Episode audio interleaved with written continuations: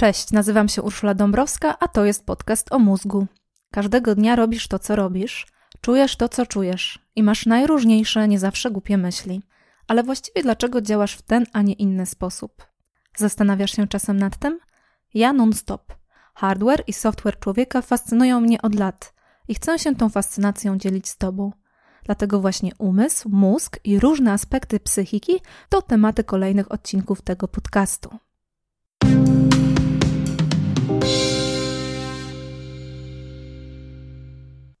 Chciałabym Cię poprosić o zalajkowanie lub obserwowanie strony podcast o mózgu na Facebooku. Możesz też dołączyć do newslettera na stronie www.urszuladabrowska.pl. Ale co najważniejsze, podziel się tym odcinkiem ze znajomym lub znajomą, jeśli tylko uznasz, że dzisiejszy temat jest ciekawy lub pożyteczny.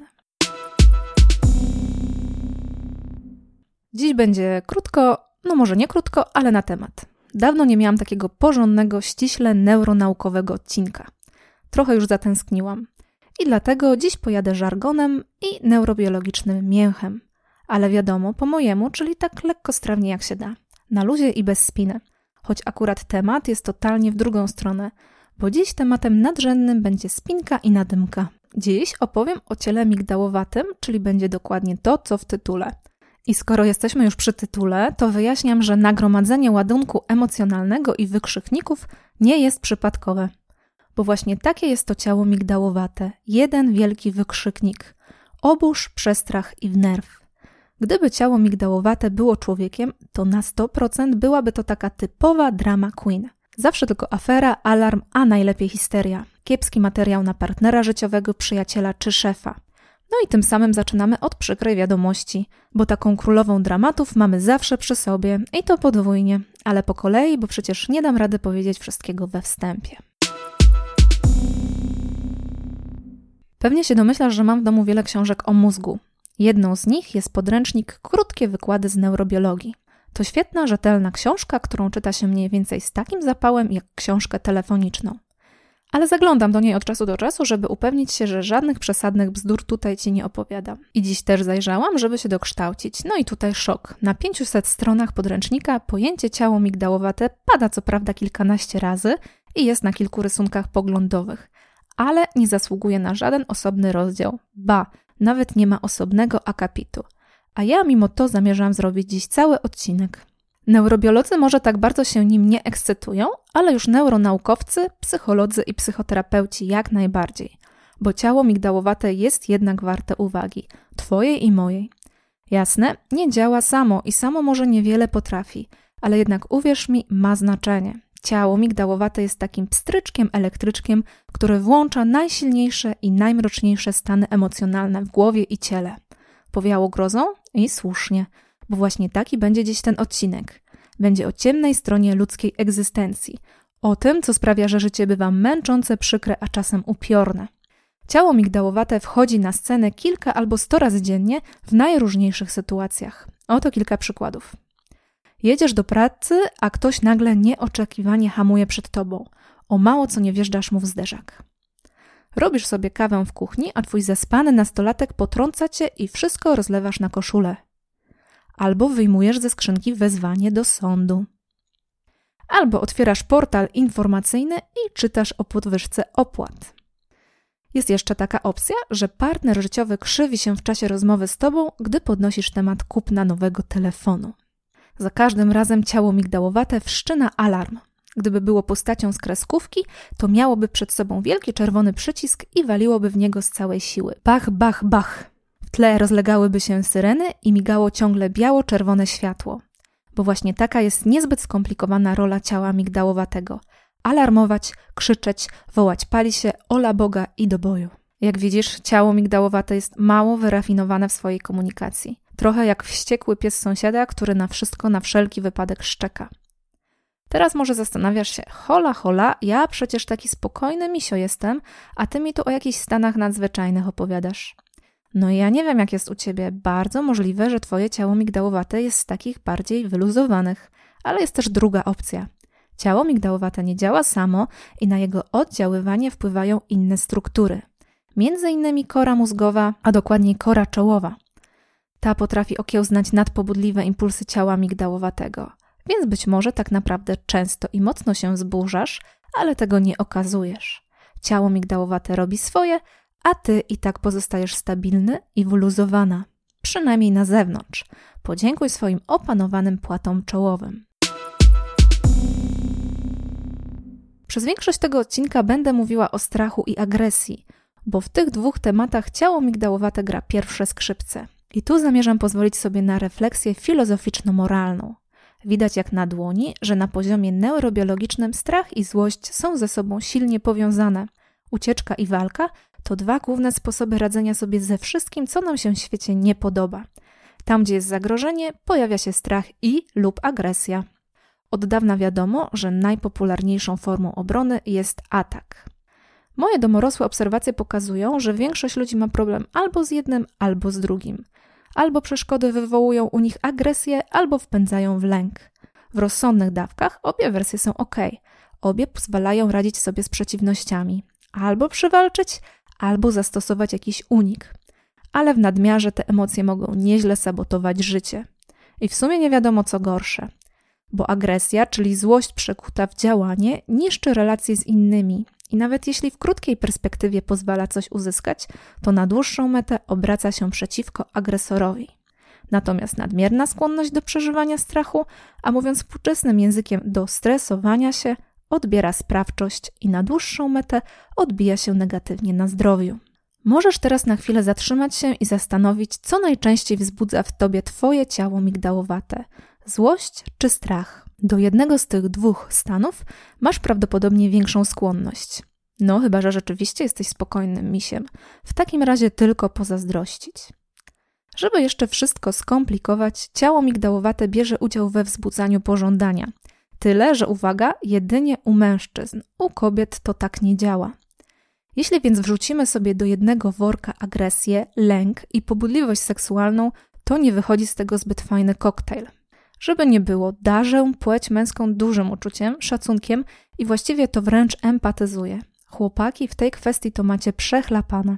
Szczególnie w czasie dojrzewania, gdy płaty czołowe kory mózgowej jeszcze nie do końca stykają i nie do końca są w stanie ogarniać wasze ciało migdałowate. Ja nie wiem, jak wy sobie z tym całym układem limbicznym dajecie radę. Każdy alarm, który wszczyna ciało migdałowate, może u chłopaka i potem u mężczyzny wywołać reakcję fight or flight, ale także pobudzenie seksualne. Nie bardzo chcę rozwijać ten temat, ale samo się nasuwa. Neurobiologia nie usprawiedliwia, ale wiele tłumaczy. Historia gwałtów, bujek, męskich bokserów, wojen, brania branek i tym podobnych jest bardzo długa. Na tym skończymy, bo to ta ciemna strona człowieczeństwa, nad którą nie chcę się rozwodzić, ale warto ją znać i przy okazji opowieści o ciele migdałowatym nie sposób o tym nie wspomnieć. Żeby ostudzić trochę nastroje, przejdźmy do anatomii. Poszukajmy adresu zamieszkania ciała migdałowatego. Gdzie znajduje się ciało migdałowate? Od razu musimy sobie wyjaśnić jedną rzecz. Tak naprawdę mamy dwa ciała migdałowate, a nie jedno. To jest jakiś słaby wątek w historii neurobiologii, że w niektórych przypadkach przyjęło się mówić o częściach mózgu w liczbie pojedynczej, choć tak naprawdę mamy dwie bliźniacze struktury. Głupie to, co poradzić. O nerkach i płucach zawsze mówimy w liczbie mnogiej, bo wiadomo, są parzyste, nie to co żołądek czy wątroba. A w mózgu chaos. Mamy podwójnie ciało migdałowate i hipokamp i wzgórze mamy podwójne, mimo że w literaturze zawsze te nazwy padają pojedynczo. Ulegam tej zasadzie, bo co ja mam biedny żuczek poradzić? Musisz pamiętać sam sama, że kiedy mówię ciało migdałowate, to mam na myśli dwie lustrzane struktury, po jednej na każdą stronę mózgu, prawą i lewą. Więc gdzie one właściwie się znajdują? Odpowiedź z grubsza to w środku Twojej czaszki, ale nie tak idealnie centralnie w środku, trochę po bokach. Czyli gdzie dokładnie? Jeśli tak bardzo, bardzo chcesz wiedzieć, to musisz użyć wyobraźni. Połącz w myślach prostą linią swoje uszy. A teraz wyobraź sobie, że z Twoich oczu świecą lasery, ale nie na zewnątrz, tylko do środka czaszki. I na przecięciu linii między uszami i tych dwóch laserów znajdują się właśnie dwa ciała migdałowate. Tak mniej więcej. Dokładnie możesz obejrzeć sobie w internecie. Wpisz w wyszukiwarkę ciało migdałowate 3D i poszukaj w obrazkach lub na filmikach. Ciało migdałowate jest częścią układu limbicznego. Działa tu razem ze wzgórzem, hipokampem i mniej znanymi podzespołami. Wszystko razem ma nas napędzać do działania, sterować emocjami, zachowaniem i tworzyć wspomnienia. Najwięcej wiemy o związku ciała migdałowatego i emocji negatywnych, głównie strachu i złości. Taki niesymetryczny jest ten świat. Pozytywne bodźce są słabsze i nie wymagają natychmiastowej reakcji mózgu, za to strach i złość działają ekspresowo. To, jak się domyślasz, scheda po naszych prapraprzodkach. Ssak musi przed drapieżnikiem uciec tak szybko, jak się da, albo stawić mu czoła i wygrać, bo inaczej nie będzie żadnego później. Natomiast wypasać się na soczystej łące i napawać przyjemnością może już na spokojnie. I dlatego układ limbiczny działa błyskawicznie w odpowiedzi na zagrożenie albo atak. I w obu tych emocjach kluczową rolę odgrywa ciało migdałowate. Ciało migdałowate reaguje w mgnieniu oka, bo otrzymuje szybko informacje ze zmysłów. Gdy tylko coś niepokojącego pojawi się w polu Twojego widzenia, coś usłyszysz albo poczujesz, to od razu uruchamia się ciało migdałowate. Tylko jedna struktura pośredniczy między zmysłami a ciałem migdałowatym to wzgórze, inna część układu limbicznego. Wzgórze filtruje informacje ze zmysłów i rozdziela do kolejnych obszarów w mózgu, i część z nich trafia błyskawicznie do ciała migdałowatego. To sprytne rozwiązanie ewolucji sprawiło, że możesz zareagować szybciej niż myślisz. Uskoczyć przed spadającym konarem drzewa, skulić się pod wpływem nagłego hałasu albo bez zastanowienia zrzucić pająka z ramienia. Czasem w takich nagłych działaniach ciało migdałowate się myli, ale czasem ratuje ci życie. To naprawdę dobra sprawa, bo gdy spotka cię prawdziwe zagrożenie, twoje ciało dzięki ciału migdałowatemu reaguje bez twojego świadomego polecenia. Nieźle, co? Ok, wiemy już, że informacje o zmieniającym się środowisku trafiają przez zmysły do wzgórza i dalej do ciała migdałowatego. To tak zwana dolna, szybsza droga reagowania, czyli szlak bodziec, wzgórze, ciało migdałowate. Ale jest i górna droga reagowania, bardziej świadoma, bardziej złożona, ale przez to i dłuższa. Tym razem szlak prowadzi informacje od zmysłów przez wzgórze do odpowiednich części w korze mózgowej. Taka informacja obrobiona w korze mózgowej i tak trafia do ciała migdałowatego i tam może je pobudzić. Jak widzisz, ostatecznie obie drogi, i górna, wolna, i dolna, szybka, mogą sprawić, że ciało migdałowate włączy w Twojej głowie i ciele przycisk alarmu. Tutaj chcę dodać jeszcze jedną ważną sprawę. Ciało migdałowate przyjmuje informacje z kory mózgowej, to już wiesz ale kora mózgowa przesyła wiadomości nie tylko na temat tego, co dzieje się w środowisku, nie tylko to, co obrabia na podstawie zmysłów. Kora potrafi także czerpać ze zgromadzonych wcześniej informacji, co potocznie nazywamy pamięcią, myśleniem i wyobraźnią. Dlatego ciało migdałowate jest w stanie przerodzić się w drama queen, na przykład gdy sobie coś przypomnisz, gdy coś ci się przyśni, gdy sobie coś wyobrazisz, albo gdy stworzysz jakiś czarny scenariusz.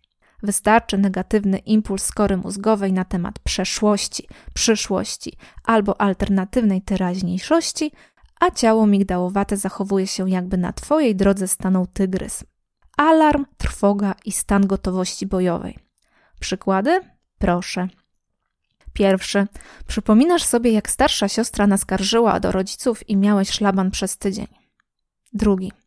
Planujesz tydzień i wychodzi ci, że ni hu, nie dasz rady zrobić prezentacji na deadline. Trzeci przykład. Twoja była wrzuca zdjęcie na Insta z nieznanym gościem i zalewa cię krew, że to nie ty. Czwarty przykład. Twój nastolatek miał wrócić przed dziewiątą, zbliża się dziesiąta, a jego ani widu, ani słychu. Wszystkie te straszne rzeczy dzieją się tak naprawdę tylko w Twojej głowie, a ciało migdałowate reaguje na nie tak samo, jakby piorun trzasnął stojące obok ciebie drzewo. I tylko pytanie, kogo za to winić? Ciało migdałowate, czy jednak niepokorne ścieżki myślenia twojej kory czołowej? No i jeszcze jedno pytanie. Na co masz większy wpływ? Na reakcję ciała migdałowatego, czy na działanie kory mózgowej? Co możesz tak naprawdę kontrolować? To o czym myślisz, czy to, co czujesz? Ciało migdałowate włącza alarm i stan gotowości bojowej. Przetłumaczmy to na neurobiologię i mamy tak zwaną odpowiedź walcz i uciekaj, po angielsku znaną jako fight or flight response. Chcę, żebyś zapamiętał, zapamiętała, że ciało migdałowate jest takim włącznikiem on-off i w sumie samo niewiele może. ale współpracuje z nim kolejna część mózgu, która ma naprawdę ogromne uprawnienia i możliwości. To podzgórze. Nie wymienię tu wszystkich procesów, w których bierze udział podzgórze, bo nie chcę teraz za bardzo mieszać. Jest ich od groma. Najważniejsze jest to, że podzgórze przyjmuje informacje z centrum dowodzenia, czyli z mózgu, a przekazuje polecenia dalej do ciała. Robi to za pomocą neuroprzekaźników i hormonów. Tłumaczy procesy psychiczne na biochemię organizmu. Dziś skupimy się na reakcji fight or flight, walcz albo uciekaj, ale uwierz mi, że to tylko część pracy podzgórza. Ciało migdałowate pobudza podzgórze, a podzgórze wydaje polecenia przysadce mózgowej. Przesadka mózgowa wydziela hormon, który z kolei aktywuje nadnercza do produkcji adrenaliny i kortyzolu. Jednocześnie wzgórze aktywuje autonomiczny układ współczulny, który także uczestniczy w mobilizacji organizmu. I ta piękna kaskada wydarzeń dzieje się rachciach. Ciało jest dzięki temu w gotowości do maksymalnego i natychmiastowego wysiłku, do walki albo do ucieczki. Zawsze, gdy sobie to uzmysłowie, ogarnia mnie zachwyt. Ciało człowieka jest naprawdę majstersztykiem. Cała ta akcja jest przecież idealnie zsynchronizowana, dzieje się zupełnie bez mojej świadomości i jest po to, by mnie chronić. No magia, cud natury, wspaniałość nad wspaniałościami. A potem schodzę na ziemię, bo w życiu codziennym reakcja fight or flight uprzykrza mi egzystencję jak mało co.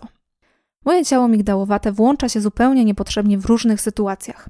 Na przykład bardzo nie lubię, gdy zalewa mnie adrenalina, gdy coś huczy. Pozdrawiam przy tym panów, którzy ostatnio skuwają młotem pneumatycznym kostkę pod moim blokiem. Ostro też reaguję na zaskoczenie. Zdarza mi się często zamyślić tak mocno, że nie zauważam, że ktoś do mnie podchodzi i cała podskakuje, gdy w końcu do mnie zagada. Tu pozdrawiam z kolei męża, a wcześniej tatę. Aż żal mi się robi, gdy przypomnę sobie ich miny. Każdy z nich wystraszył mnie w życiu ze sto razy i za każdym razem widziałam, jak im przykro i głupio, a przecież to wina mojego ciała migdałowatego, a nie ich. No i jeszcze kiepsko mi idzie z newsami z kraju i ze świata. Katastrofy naturalne, ocieplenie klimatu, zabójstwa, polityczne przepychanki, kradzieże, defraudacje, strajki i nie wiem co jeszcze. Na każdą z tych rzeczy moje ciało migdałowate reaguje bardzo silnym nerwem i oburzem. Zwykle wystarczają mi ze 3 minuty serwisu informacyjnego, żeby reakcja walcz albo uciekaj weszła mi w tryb full on. Na szczęście akurat na to jest proste rozwiązanie. Nazywa się pilot od telewizora. Wystarczy wyłączyć i już po kłopocie. No to skoro już się wyżaliłam, to idźmy dalej. Z jednej strony ciało migdałowate i jego działanie to świetny pomysł matki natury. Pozwala nam przetrwać. Jest jeden problem z tym mechanizmem. My ludzie dziś już tak bardzo nie zależymy od walki czy ucieczki. Na co dzień siła i mobilizacja mięśni nie rozwiązuje naszych problemów. Raczej potrzebujemy gotowości intelektualnej.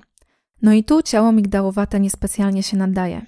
Przeciwnie, gdy przejmuje kontrolę, to możesz zapomnieć o kreatywności i elastycznym dopasowaniu się do wyzwań.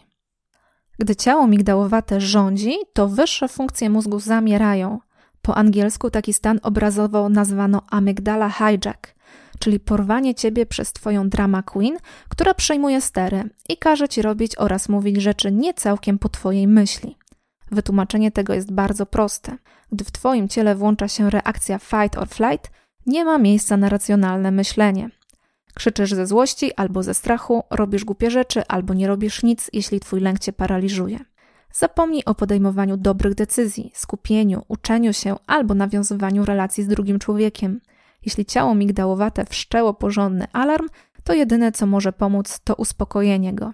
Staniesz się sobą dopiero gdy ciało migdałowate odda z powrotem ster twoim płatom czołowym. Wiesz już, że ciało migdałowate otrzymuje informacje ze wzgórza i kory mózgowej. Na tej podstawie uruchamia podzgórze, co z kolei prowadzi do mobilizacji ciała. To reakcja walki albo ucieczki. Ale ciało migdałowate robi coś jeszcze. Wysyła informacje do hipokampu. Hipokamp to z kolei część mózgu odpowiedzialna za tworzenie wspomnień. I również w tej kwestii ciało migdałowate dorzuca swoje trzy grosze. Okazuje się, że nasza drama queen nie tylko robi aferę tu i teraz, ale stara się przekonać mózg, by zapamiętał okoliczności alarmu na przyszłość. Po co? No jak to po co? Żeby w przyszłości zrobić aferę jeszcze szybciej. Przykład? Proszę bardzo. Dzwoni telefon, a potem dowiadujesz się okropnej rzeczy. Twoje ciało migdałowate reaguje na informację, ale kojarzy melodię dzwonka z całą sytuacją. Przekonuje hipokamp, by całe to wspomnienie zapisać w pakiecie. I następnym razem, gdy usłyszysz melodyjkę telefonu, ciało migdałowate zareaguje już na sam ten dźwięk. Bardzo usłużnie chce cię obronić przed kolejną złą wiadomością. W tym celu włącza reakcję walki, ucieczki już na sam dzwonek. Czy tobie się to właściwie przydaje? No, ja nie wiem, mam wątpliwości, bo tak to z tym ciałem migdałowatym już jest. Nie działa idealnie, ale stara się jak może. Całe to powyższe zapamiętywanie to kojarzenie bodźca neutralnego z jakimś bodźcem nacechowanym emocjonalnie. Naukowcy nazywają to warunkowaniem pawłowowskim. Pewnie kojarzysz ten stary jak świat eksperyment rosyjskiego uczonego Iwana Pawłowa. Pawłow uczył psy, że po dzwonku dostają jedzenie. Po jakimś czasie sam dzwonek wywoływał ślinienie się zwierzęcia. No i tak powstają też u ciebie skojarzenia, choć tylko niektóre wiążą się z pracą ślinianek. Zadaniem ciała migdałowatego jest nadanie Twoim wspomnieniom aspektu emocjonalnego. No i jak już się pewnie zorientowałeś, zorientowałaś, zwykle jest to aspekt zdecydowanie nieprzyjemny. Niektórzy neuronaukowcy uważają, że ciało migdałowate reaguje też na pozytywne emocje, ale nawet jeśli czasem tak jest, to jednak margines. Jego głównym działaniem jest zdecydowanie szukanie powodów do wkurzu i oburzu. Wiem, wiem, nie ma takich słów, ale we własnym podcaście mam chyba prawo do odrobiny słowotwórstwa. No i w sumie to kiepska wiadomość, bo to oznacza, że im bardziej strachasz się dziś, tym więcej spraw będzie cię strachać w przyszłości. A im częściej się zburzasz i irytujesz teraz, tym częściej krew będzie cię zalewała z każdym krzyżykiem na karku. To prosta sprawa, stajesz się mistrzem w tym, co trenujesz. Co dotyczy również strachu i złości. Czy można się jakoś opamiętać, nauczyć ograniczać mobilizację organizmu? Można, ale o tym zrobiłam osobny odcinek, więc nie będę się powtarzać.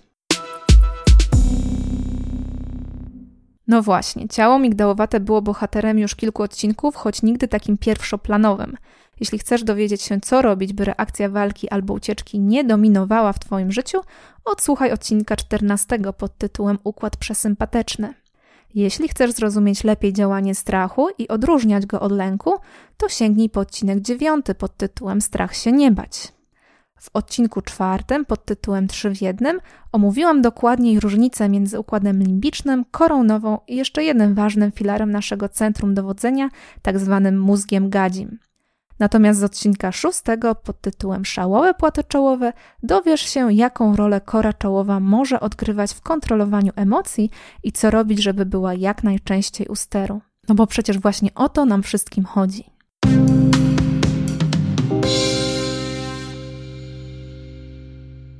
Dziękuję Ci za wysłuchanie tego odcinka. Jeśli chcesz więcej informacji na mój temat, zapraszam Cię na stronę www.urszuladabrowska.pl. Znajdziesz tam mojego bloga oraz opisy moich książek. Zapisz się do newslettera, a informacje o nowych odcinkach będą wpadać prosto na Twoją skrzynkę mailową. Podcast o mózgu jest także na Facebooku. Zapraszam do polubienia strony i kontaktu. Tymczasem do usłyszenia. Dobrego dnia, dobrej nocy. Ula.